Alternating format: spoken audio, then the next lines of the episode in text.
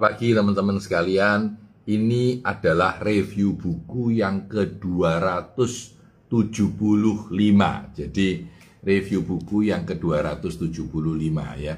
Jadi teman-teman sekalian uh, sudah lama nggak review buku mungkin 2-3 minggu ya karena kesibukan yang banyak banget. Akhirnya saya pikir saya kembali lagi harus mereview buku Big Little Breakthrough.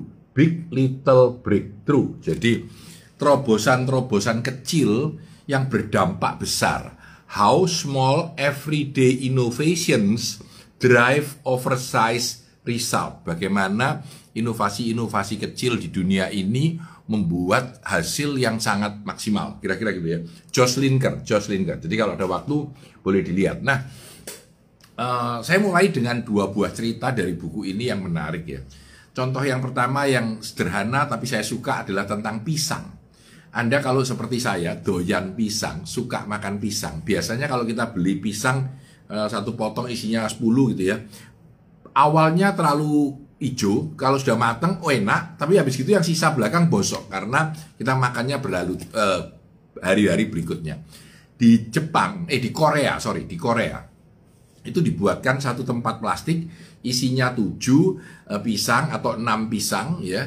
Eh, pisang yang ini masak besok, ini besok lusa, ini besoknya lagi, ini besoknya lagi, ini besoknya lagi. Jadi yang di sini agak hijau, hijau ya. Yang sini pisangnya lebih kuning, kuning, kuning. Jadi hari ini kamu makan ini, wah matang, enak ya. Besok yang sebelahnya, besoknya lagi yang sebelahnya. Besoknya lagi yang sebelahnya. Sehingga enam hari atau tujuh hari pisangnya habis dan semuanya Anda makan dalam kondisi yang paling enak. Nah ini keren menurut saya. Sederhana, lucu, tapi waktu saya baca, wah aku juga beli pisang selalu yang belakangan busuk ya, yang awal masih kurang matang. Nah teman-teman, ini inovasi-inovasi yang sangat sederhana, tapi membuat hidup kita menjadi lebih enak gitu ya. Nah, contoh yang kedua ya uh, di jalan, di salah satu jalan, saya lupa di negara mana ya contohnya, sebentar, sebentar saya cari.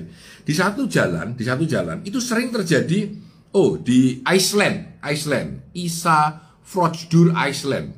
Ada satu jalan di mana orang itu sering nabrak orang berjalan. Jadi orang menyeberangi jalan selalu ketabrak karena pas nikung belok gini dan ada uh, ada sudah ada catnya uh, penyeberangan jalan, tapi sering menabrak orang dan orang itu terjadi kecelakaan di sana.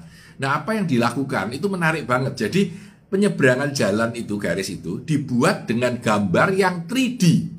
Saya ulangi, 3D. Jadi kalau Anda paham mak maksud saya, kalau Anda lihat gambar-gambar di uh, tempat foto yang kelihatannya oh orangnya jadi kecil, orangnya jadi besar. Nah, itu 3D. Jadi bayangkan uh, garis putihnya penyeberangan itu tiba-tiba naik seperti melayang 30 eh, cm sampai 40 cm dari dataran. Itu karena efek gambar aja ya. Jadi begitu orang lewat sana mendadak ngerem, cek gitu rem dan tidak ada terjadi kecelakaan lagi setelah itu ya. Nah, ini menarik, ini menarik ya. Hal-hal yang kecil, terobosan-terobosan yang unik di seluruh dunia membuat kita menjadi lebih hidupnya lebih enak, lebih selamat, lebih nyaman. Padahal itu terobosan yang sangat kecil banget. Contoh yang ketiga, Uh, dia bilang ada begini, ada mereknya sebentar saya cari. Mereknya Vanmov, Vanmov, V A N M O O V, Vanmov ya.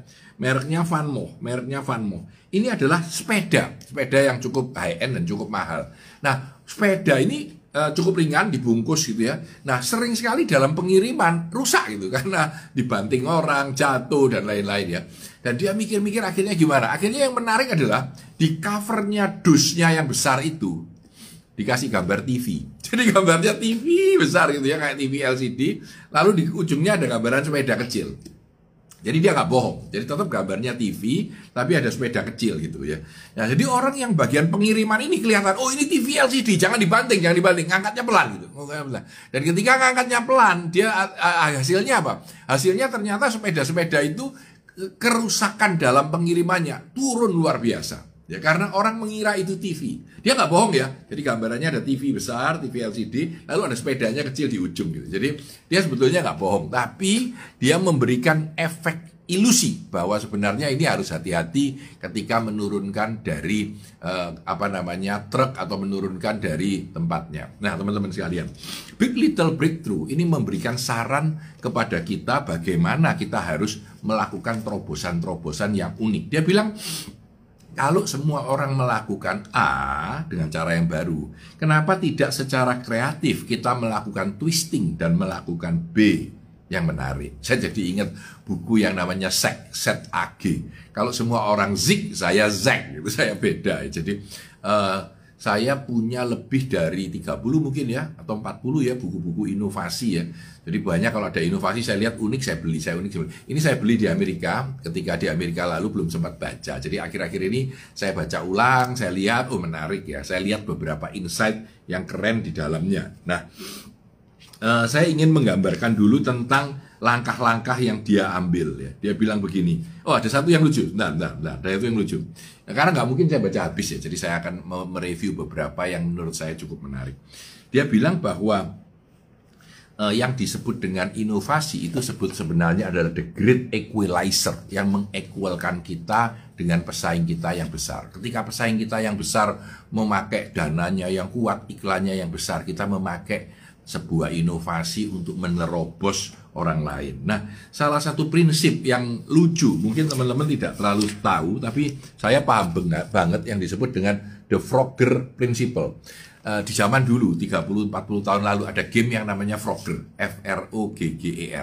Jadi kodok melompat melewati jalan raya melambat, melompat, melompat ya.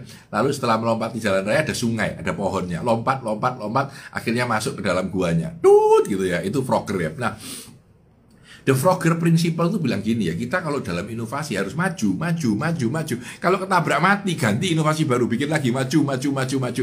Salah satu nanti akan mencapai di ujung sana dan menghasilkan sebuah inovasi yang hebat. Keren ya?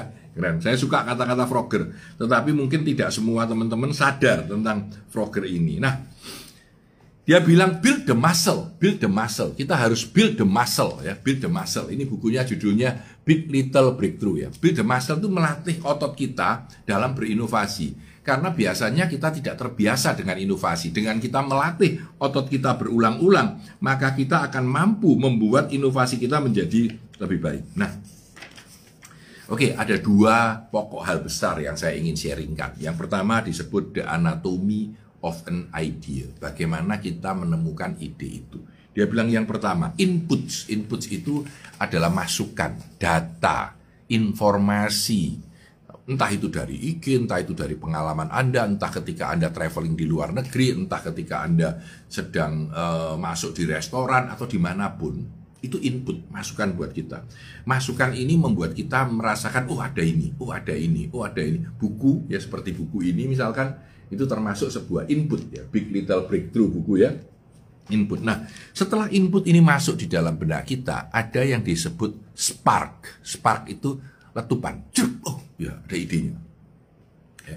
banyak hal yang membuat kita menjadi letupan. Kalau teman-teman tahu tentang letupan ya masih ingat nggak ceritanya Archimedes? Jadi Archimedes ini disuruh sama uh, Queen untuk uh, menghitung volume uh, apa namanya crownnya, volume dari mahkotanya. Ini loh volumenya dihitung kan nggak bisa di, nggak bisa diruberkan, nggak bisa diapakan. Jadi nggak volume emas karena dulu terbuat dari emas ya. Volumenya berapa besar? Nah uh, Archimedes ini mikir sampai seminggu nggak bisa ketemu gitu ya Sampai akhirnya dia waktu itu mandi di bathtub. Barik bathtub itu air, air dingin lalu dia masukkan badannya. Nah ketika dia memasukkan badannya, dia kelihatan air di bathtub itu pelan-pelan naik. Ya. Dan dia tiba-tiba keluar sparknya. Wah gitu ya. Ceri, konon ceritanya, ya bukan dari buku ini, tapi ceritanya Archimedes. Dia lompat dari kamar mandi dan dengan telanjang di jalanan dia bicara Eureka, Eureka, Eureka, Eureka. Maksudnya Eureka itu I have found it I have found it. Saya sudah menemukan caranya. Dan dia bilang, besoknya dia bilang bahwa mudah sekali untuk mengukur volume dari uh, sebuah benda yang tidak beraturan seperti mahkota itu, yaitu dengan mengukur sebuah bejana ukurannya berapa mililiter, lalu itu dimasukkan ke dalam air dan airnya akan naik kan tingginya. Jadi kalau airnya asalnya pada posisi uh, katakanlah 700 ml lalu barang itu dimasukkan dan airnya naik menjadi 825 ml berarti seluruh barang itu volumenya adalah 125 ml. Ini spark gitu, spark. Spark itu adalah momen ketika Anda merasa dung, wah ini menarik itu spark ya. Dan yang ketiga, dia sebut audition. Ya, audition itu adalah bagaimana ide itu dicoba ditunjukkan kepada orang. saya punya ide, misalkan tadi saya cerita, pisang dari Senin, Selasa, Rabu, Kamis, Jumat, Sabtu ya. Senin, yang Senin dimakan, sudah itu besoknya yang ini matangnya pisang kan berpelan-pelan ya. Jadi yang paling kanan itu pisang yang hijau gitu. Jadi kalau enam hari lagi dia enak. Itu mungkin begitu idenya keluar, dicoba. Audition itu adalah dimasukkan ke dalam pack, dijual, laku apa tidak, orang suka atau tidak. Itu audition. Audition itu artinya kita mencoba menyajikan kepada usernya apakah dia suka apa tidak dengan uh, produk inovasi yang kita lakukan. Itu nomor tiga. Nomor empat adalah refinement. Refinement ini menghaluskan, merapikan, membenahi gitu. Ya, jadi ide itu ternyata keren. Lalu bagaimana kita benahi supaya ide itu menjadi lebih bagus lagi ide itu lebih cantik lagi. Nah, ini disebut refinement, ya, refinement. Jadi kalau uh, saya ulang, saya ulang ya. Yang pertama disebut input, yaitu ide itu masuk dari benak kita apa saja. Yang kedua spark, ada ledakan, dung gitu ya. Lalu kita mengeluarkan sebuah ide. Lalu audition, kita contohkan kepada orang, kita tunjukkan kepada user kita, dia suka atau tidak. Sesudah itu refinement, menghaluskan, memperbaiki, continuous improvement, membuat ide itu menjadi bagus. Dan yang terakhir, lucu, namanya slingshot. Saya sudah slingshot Nah, slingshot itu apa? Slingshot itu pak apa ketepel ya, cuek gitu. Maksudnya kalau ide Anda sudah bagus, genjot supaya dia menjadi uh, membawa hasil yang luar biasa. Nah, saya teringat ini bukan dari buku ini tapi saya teringat tentang Twitter sebenarnya.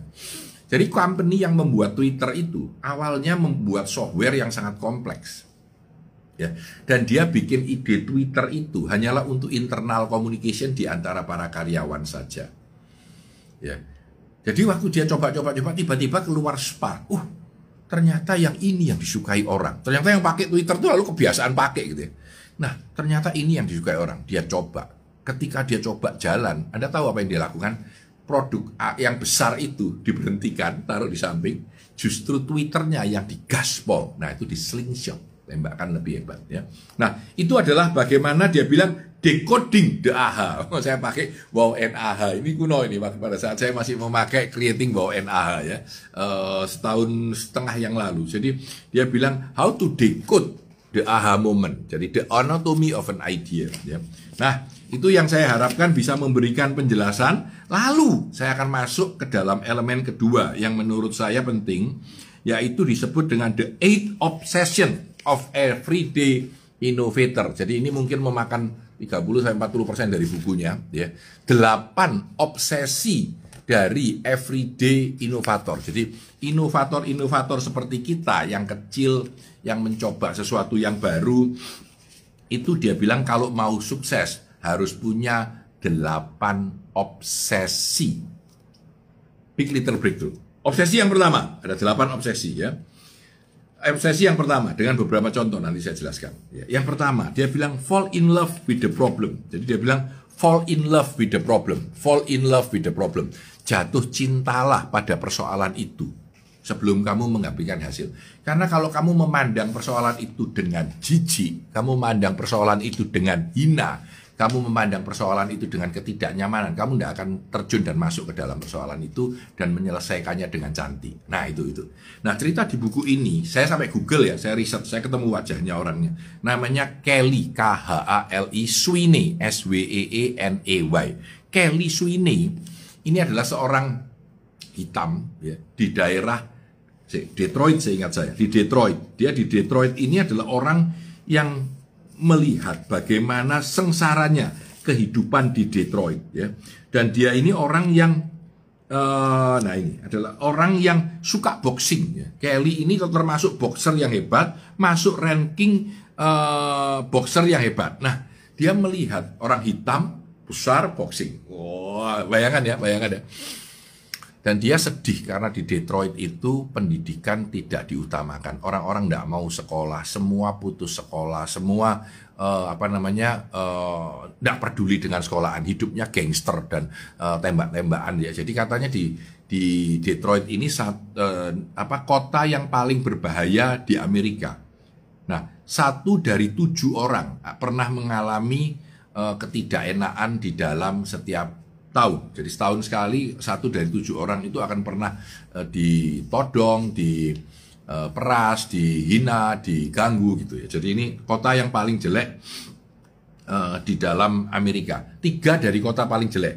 Detroit punya zip code itu 48207 itu zip code dari tiga lokasi yang paling bahaya di Amerika. Nah, ketika melihat ini dia sedih gitu, dia sedih gitu ya. Jadi pada tahun 2007 dia membuat boxing gym.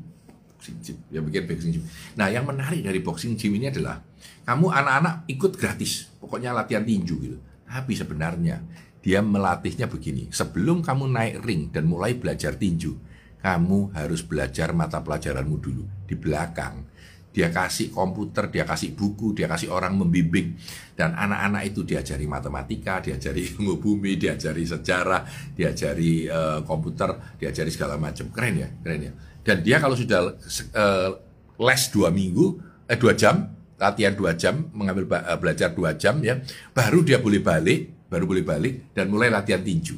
Wah keren. Orang tua-tua happy melihat anaknya mau belajar. Ya. Sekolahan kaget karena tiba-tiba anak-anaknya rajin semua, mengerti persoalan, nggak usah diajari bisa. Dan karena eh, hebatnya acara ini, dia tidak punya tempat, dipinjemin tempat yang besar. Dia nggak punya kendaraan karena rumah tempat dia kan jauh tuh. Orang harus jalan 9 km untuk dapat latihan. Disediain kendaraan gratis sama orang kaya. Dan akhirnya memacu banyak orang untuk belajar, untuk sekolah, padahal melalui tinju. Nah ini menarik ya. Jadi namanya Sweeney ya, boleh di Google, boleh di Google wajahnya ya. Bahkan kali KHALI Sweeney ini mendapatkan hadiah dari CNN pada tahun 2017 menjadi satu dari top 10 10 CNN Heroes pahlawan CNN ya yang membuat program ini menjadi lebih hebat lagi. Jadi ini ini hari ini dia bilang dia hidupan sekeliling seliling areanya itu semua jadi lebih baik ya. Selamat pagi teman-teman, sehat selalu. Terima kasih sudah menghadiri acara book review yang ke-275 dan sudah cukup lama saya tidak melakukan book review. Itu yang pertama, fall in love with the problem. Kalau kamu cinta problem itu, kamu akan bisa jauh lebih cepat menyelesaikan persoalan. Yang kedua, Start before you are ready. Kalau ini saya baca, ini aku banget sih. Mulailah sebelum kamu siap gitu. Nah, eh, kemarin kebetulan kemarin jadi teman-teman akan ketemu iklannya.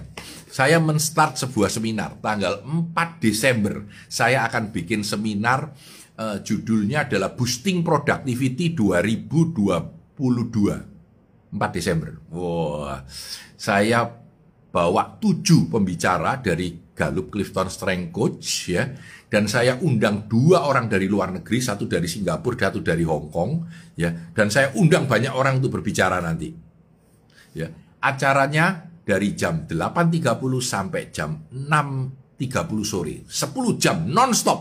Wah kontennya luar biasa. Harganya berapa? Saya mau jual 100 ribu.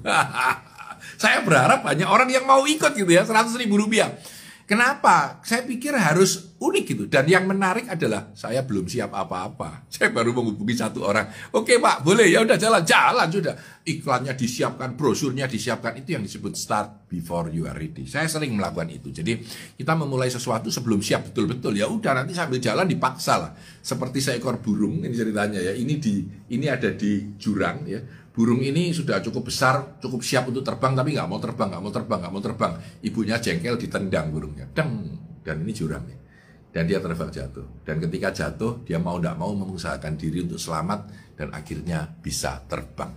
Kalau kita kepepet kita bisa. Kalau kita memaksa diri untuk kepepet, kita akan mampu memacu diri kita untuk menjadi lebih siap. Start before you are ready. Kalau enggak, enggak jalan nanti. Start before you are ready. Sebelum Anda siap, jalan dulu. Sering sekali saya bikin seminar, judulnya ada, semuanya ada, iklannya ada, belum tahu isinya apa. Nanti kita cari gitu ya. Start before you are ready ya. Kenapa kita menunggu? Karena kita merasa nyaman. Kalau sudah semua ready baru jalan ya. Menurut saya itu tidak benar. Oke, itu obsesi kedua. Obsesi ketiga adalah open a test kitchen. Open a test kitchen. Nah, saya suka juga ini. Dia cerita tentang Shake Shack. Shake Shack ini adalah uh, uh, roti kayak hamburger gitu ya, yang sekarang populer di 27 negara. Dia bilang Shake Shack ini asalnya di New York, sebuah test lab, dicoba jualan ini enak enggak. Dan dia punya tempat ngetes ini enak enggak, ini disukai enggak, ini dicoba enak enggak. Lalu di setiap daerah dia punya riset center kecil untuk mencoba apa yang disukai di daerah ini dibuat berubah, dibuat lain. Eh, ya ini contohnya begitu. Saya sempat makan Shake Shack ini sekali di Shanghai. Saya belum coba yang lain. Saya tidak tahu di Jakarta sudah ada apa belum. Shake Shack ya. Shake Shack ini keren. Karena apa? Dia selalu melakukan experimentation. Disebut open a test kitchen. Ya. Jadi buku ini bilang bahwa banyak sekali perusahaan-perusahaan hebat itu selalu melakukan riset yang gila-gilaan. Salah satu contohnya Google. Google itu sekian puluh ribu riset dilakukan setiap tahun. Ya. Juga uh, Amazon. Amazon itu bahkan bosnya bilang kita ini adalah tes kitchen, bukan tes kitchen lah ya, laboratorium. Laboratorium riset yang terbesar di dunia. Kan dia nyoba segala macam tipe, ya. Dan banyak yang gagal nggak? Banyak. Ya, kalau menurut saya 10 ide yang dijalankan, paling yang sukses cuma satu atau dua. Itu normal, ya. Tapi kalau Anda tidak mencoba sama sekali, Anda pasti gagal semua karena tidak coba gitu. Jadi ini ini ini uh, menarik ya. Oh, good morning from Bali. Hai. Good morning. Jadi ini open a test kitchen. Ini adalah obsesi yang ketiga untuk menjadi seseorang yang merupakan uh, apa big little breakthrough, big little breakthrough ya. Dan yang keempat, saya lari. Banyak sekali ya. Keempat, break it to fix it. Nah ini ini juga agak unik ini pemikirannya. Break it to fix it ya. Dari buku Big Little Breakthrough. Ini sampulnya selalu saya lepas kalau saya baca, saya nggak pakai sampul. Tapi kalau sudah saya kembalikan sampulnya ya. Jadi ini judul bukunya adalah Big Little Breakthrough. Jadi kalau teman-teman tahu ya. Break it to fix it. Dia cerita tentang sebuah Lego. Jadi Lego itu dulu uh, perlu dilakukan experimentation sehingga jadi Lego Serious Play. Saya senang banget nih baca ini ya.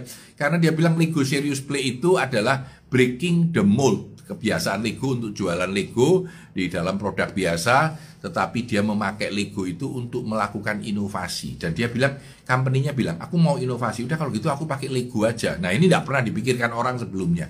Akhirnya jadilah Lego Serious Play. Lego Serious Play adalah metode yang dipakai di seluruh dunia untuk membuat penemuan-penemuan uh, Lego di dalam training dan di dalam strategi uh, making. Jadi saya, Pak Andi, Pak Fatoni, dan Pak Made itu semuanya adalah Lego Serious Play Certified uh, Trainer. Jadi kami bisa mentraining dengan memakai Lego uh, Serious Play. Dia bilang caranya gimana sih kalau mau melakukan break it before uh, you fix it adalah to deconstruct situation. Situasinya di deconstruct, lalu examine lebih dalam apa yang bisa dipakai dan dieksplor, ya apa yang missing, apa yang bisa diperbaiki, apa yang bisa dirubah sama sekali ya. Ada 10 pertanyaan, lalu rebuild everything, dibuild ulang keadaannya dan keluarlah salah satunya yang dalam buku ini disebut adalah Lego Serious Play. Nah, saya mengingatkan break it before you fix it itu adalah kan akademi. Kan akademi. Kan akademi ini adalah uh, kursusan online ya belajar matematika belajar apa sebagian gratis sebagian mungkin berbayar. Ini awalnya adalah orang yang bernama Kan. Nah, sebentar Kan ini nama aslinya apa ya? E, nama lengkapnya saya lupa tapi Kan nah. Nah ini sekarang ini disebutkan juga di sini Kan ya. Kali kan kalau nggak salah saya lupa. Nah ini ini Kan ini disebutkan tentang bagaimana Kan Akademi. Jadi gini kalau kita di sekolahan kelas e, 6 SD kita belajar mata pelajaran yang saya suka bahasa Inggris, yang saya tidak suka matematika. Nah, ketika saya diajar matematika, yang saya tangkap baru 30%. Oke, okay? ketika saya tangkap matematika baru 30%, apa yang terjadi? Ya, saya harus move pada mata pelajaran uh, minggu depan. Saya harus move lagi hanya memahami 20%. Sementara bahasa Inggris aku paham 100%. Aku move aku paham 100%, aku move aku paham 100%, ya. Selamat pagi teman-teman semua. Nah, Eh, kan akademi merubah sistem itu. Dia bilang bahwa kalau kamu sudah ngerti 100%, walaupun kamu dalam matematika ketinggalan, tapi kamu dalam bahasa Inggris jauh lebih cepat. Di dalam uh, apa namanya uh, ilmu bumi jauh lebih cepat. Di dalam pelajaran lain jauh lebih cepat. Nggak apa-apa, kamu pelan-pelan aja belajarnya sesuai dengan daya serapmu untuk belajar matematika itu. Nah, ini keren. Ini keren banget ya awalnya kan ini ceritanya lucu. Jadi dia itu punya orang ini di MIT, lalu dia punya satu kepona eh, sepupu, sepupu di tempat lain tanya, "Ini caranya gimana sih, Kak?" gitu. Jadi akhirnya dia jelaskan sambil dia rekam video pakai tangan, dia gambar, lalu dia kirim ke, anak. Ini lo belajar kayak gini. Dan karena cara ngajarnya begitu bagus, sama keponaannya ini diposting di YouTube. Dan yang nonton ratusan, ribuan, puluhan ribu. Wah semua. Akhirnya orang tergila-gila dengan cara mengajar kakak ini yang bagus. Dan yang menarik apa? Yang menarik akhirnya kakak ini melepaskan pekerjaannya dan langsung membuatkan akademi. Dan kalau Anda tahu, yang belajar dengan Khan Academy ini termasuk anaknya Bill Gates. Saya yakin Bill Gates nyumbang pada Khan Academy karena ini non profit organization ya. Dan sebagian sekolahan-sekolahan di Amerika mulai mengadaptasi dan memakai yang dipakai oleh Khan Academy KHAN. Silakan diriset. Ya. Itu di contoh sini dijelaskan bagaimana you have to break it before you fix it. Oke. Okay. Itu obsesi yang uh, disebut dengan break it to fix it. Yang berikutnya, ini obsesi berikutnya, disebut reach for weird. Reach for weird. Cobalah Anda mengejar sesuatu yang weird. Weird itu aneh, unik ya. Nah, inilah di sinilah beberapa contoh yang tadi saya cerita, pisang. Senin, Selasa, Rabu, Kamis, Jumat, ya toh. Lalu bagaimana uh, ada bicycle manufacturer, pabrik sepeda, dibuat uh, tempatnya dipakai tulisannya uh, apa namanya uh, gambarannya TV LCD. Nah, saya ingat nih, saya ingat satu. Oh, ini lucu ini, ini lucu ini. Di Kyoto, Jepang, di Kyoto, Jepang, di Kyoto, Jepang, ya. Uh, sapi dicat dengan warna karena gini, sapi ini selalu digigit sama serangga, ya. Tetapi mereka meriset bahwa zebra tidak digigit oleh serangga apa yang dilakukan? Sapi ini dicat badannya sama sama cat yang organik yang tidak apa-apa, tidak tidak bisa dimakan ya, uh, cat yang organik dengan dengan warna putih. Jadi sapinya asalnya hitam, jadinya zebra warnanya. Jadi sapinya sekarang warna zebra dan tidak digigit serangga. Karena serangga itu melihat warna dari matanya. Begitu ada stripe kayak zebra dia tidak menggigit. Lucu ya, itu keren menurut aku lucu. Nah, uh, weird itu saya teringat, ini saya teringat nih, bukan dari buku ini. Saya ingat dulu saya pertama kali nginep di Bali sekian puluh tahun lalu di Hard Rock. Ya, mungkin teman-teman pernah punya pengalaman yang sama. Saya kaget karena di dalam kamarnya Hard Rock itu ada tas kain tulisannya stolen from Hard Rock Cafe Bali dicuri dari Hard Rock Cafe Bali. Dan memang di sana dikasih kertas kecil, boleh kamu ambil pun bawa pulang. Jadi boleh dibawa pulang, tidak apa-apa. Jadi kamu ambil bawa pulang tasnya tapi tulisannya stolen from Hard Rock Cafe Bali. Wah keren ya. Itu sudah 20 tahun lebih, 30 tahun lalu mungkin. Pertama kali bukanya Hard Rock, uh, saya ingat saya ingin di sana, saya kaget adanya itu ya. Nah itu yang weird, unik gitu, aneh gitu ya. Jadi dia bilang kalau punya obsesi untuk menjadi seperti itu, cobalah untuk menjadi uh, aneh. Nah ini ada satu yang aneh lagi, ya. Ini ada satu yang aneh lagi ya. Ada lubang di tengah jalan, lubang di tengah jalan, ya, yang membuat orang naik sepeda, naik mobil, jedong, jedong, lama sekali nggak diperbaiki, ya. Lalu sama area tetangga dikasih kue ulang tahun, dikasih uh, apa namanya uh, apa namanya lilin ulang tahun ya difoto secara ulang selamat ulang tahun lubang yang ada di jalan rayaku dan itu dimasukkan di sosial media dan viral ke mana-mana ya dalam seminggu pemerintah malu dan ditutup jalan itu supaya sudah baik jalannya. Keren ya? Keren ya? Jadi itu reach for weird, cari sesuatu yang unik, yang aneh gitu ya. Yang uh, apa namanya? Yang uh, hebat yang tapi menjadi aneh. Oke, lompat. Obsesi berikutnya disebut use every drop of toothpaste. Jadi pakailah semua toothpaste yang ada. Jadi toothpaste itu sikat gigi itu every drop. Jadi kalau pakai itu sampai melotot sampai habis gitu. Nah, ini bilang apa sih?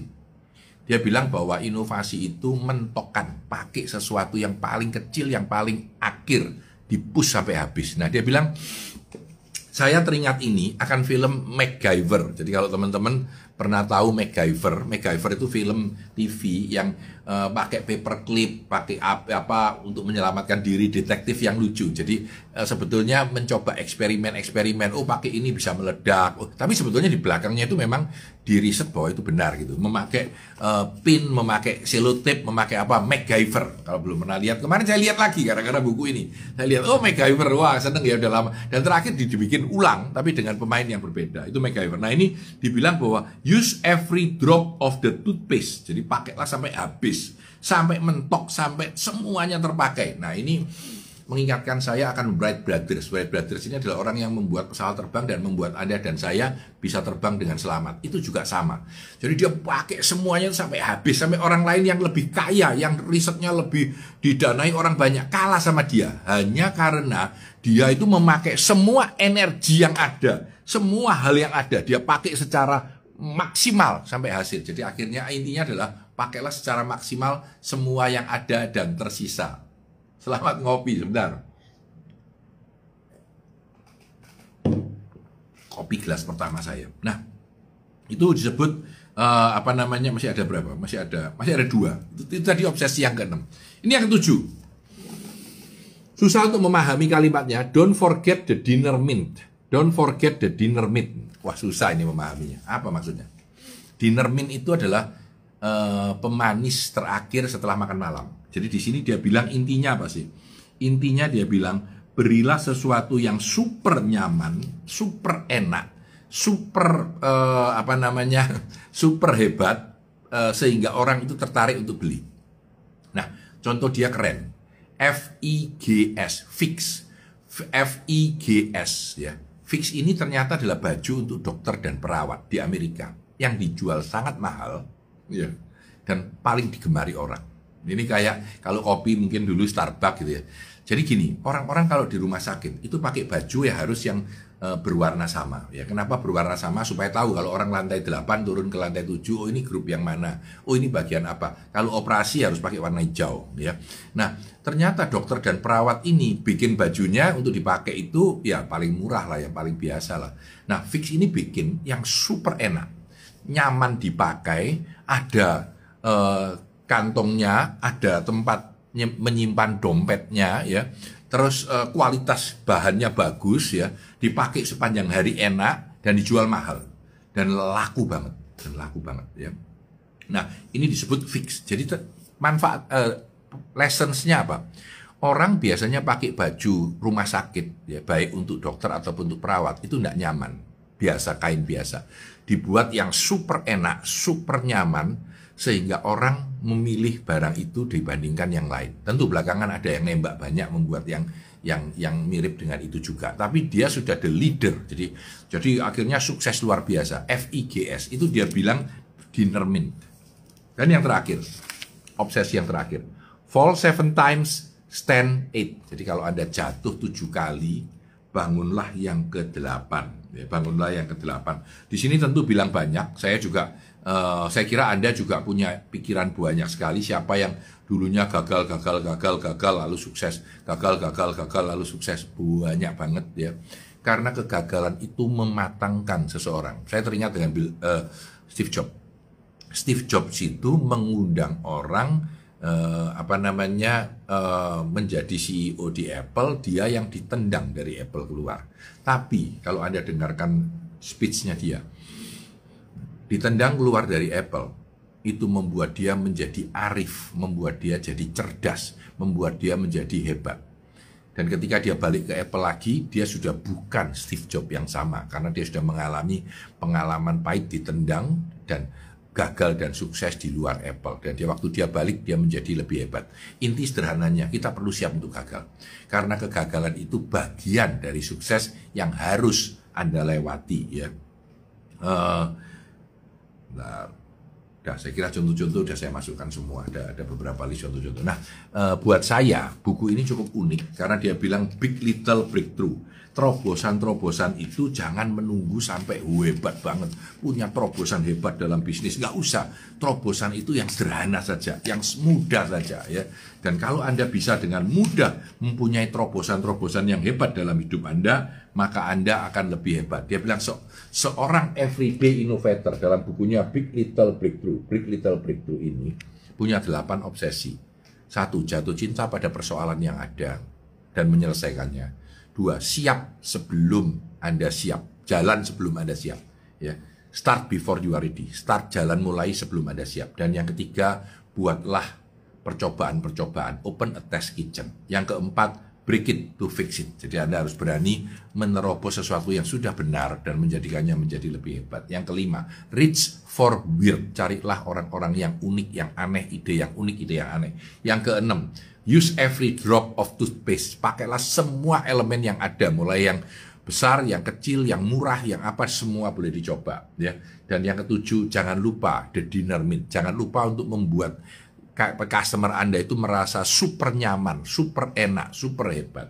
Dan yang kedelapan, kalau Anda gagal tujuh kali, bangunlah delapan kali. Saya berharap review buku ke-275, Big Little Breakthrough, Big Little Breakthrough, ini dapat memberi dampak positif buat teman-teman supaya lebih mau berinovasi dan menjadi lebih hebat lagi. Saya Tanadi Santoso, sukses selalu untuk Anda.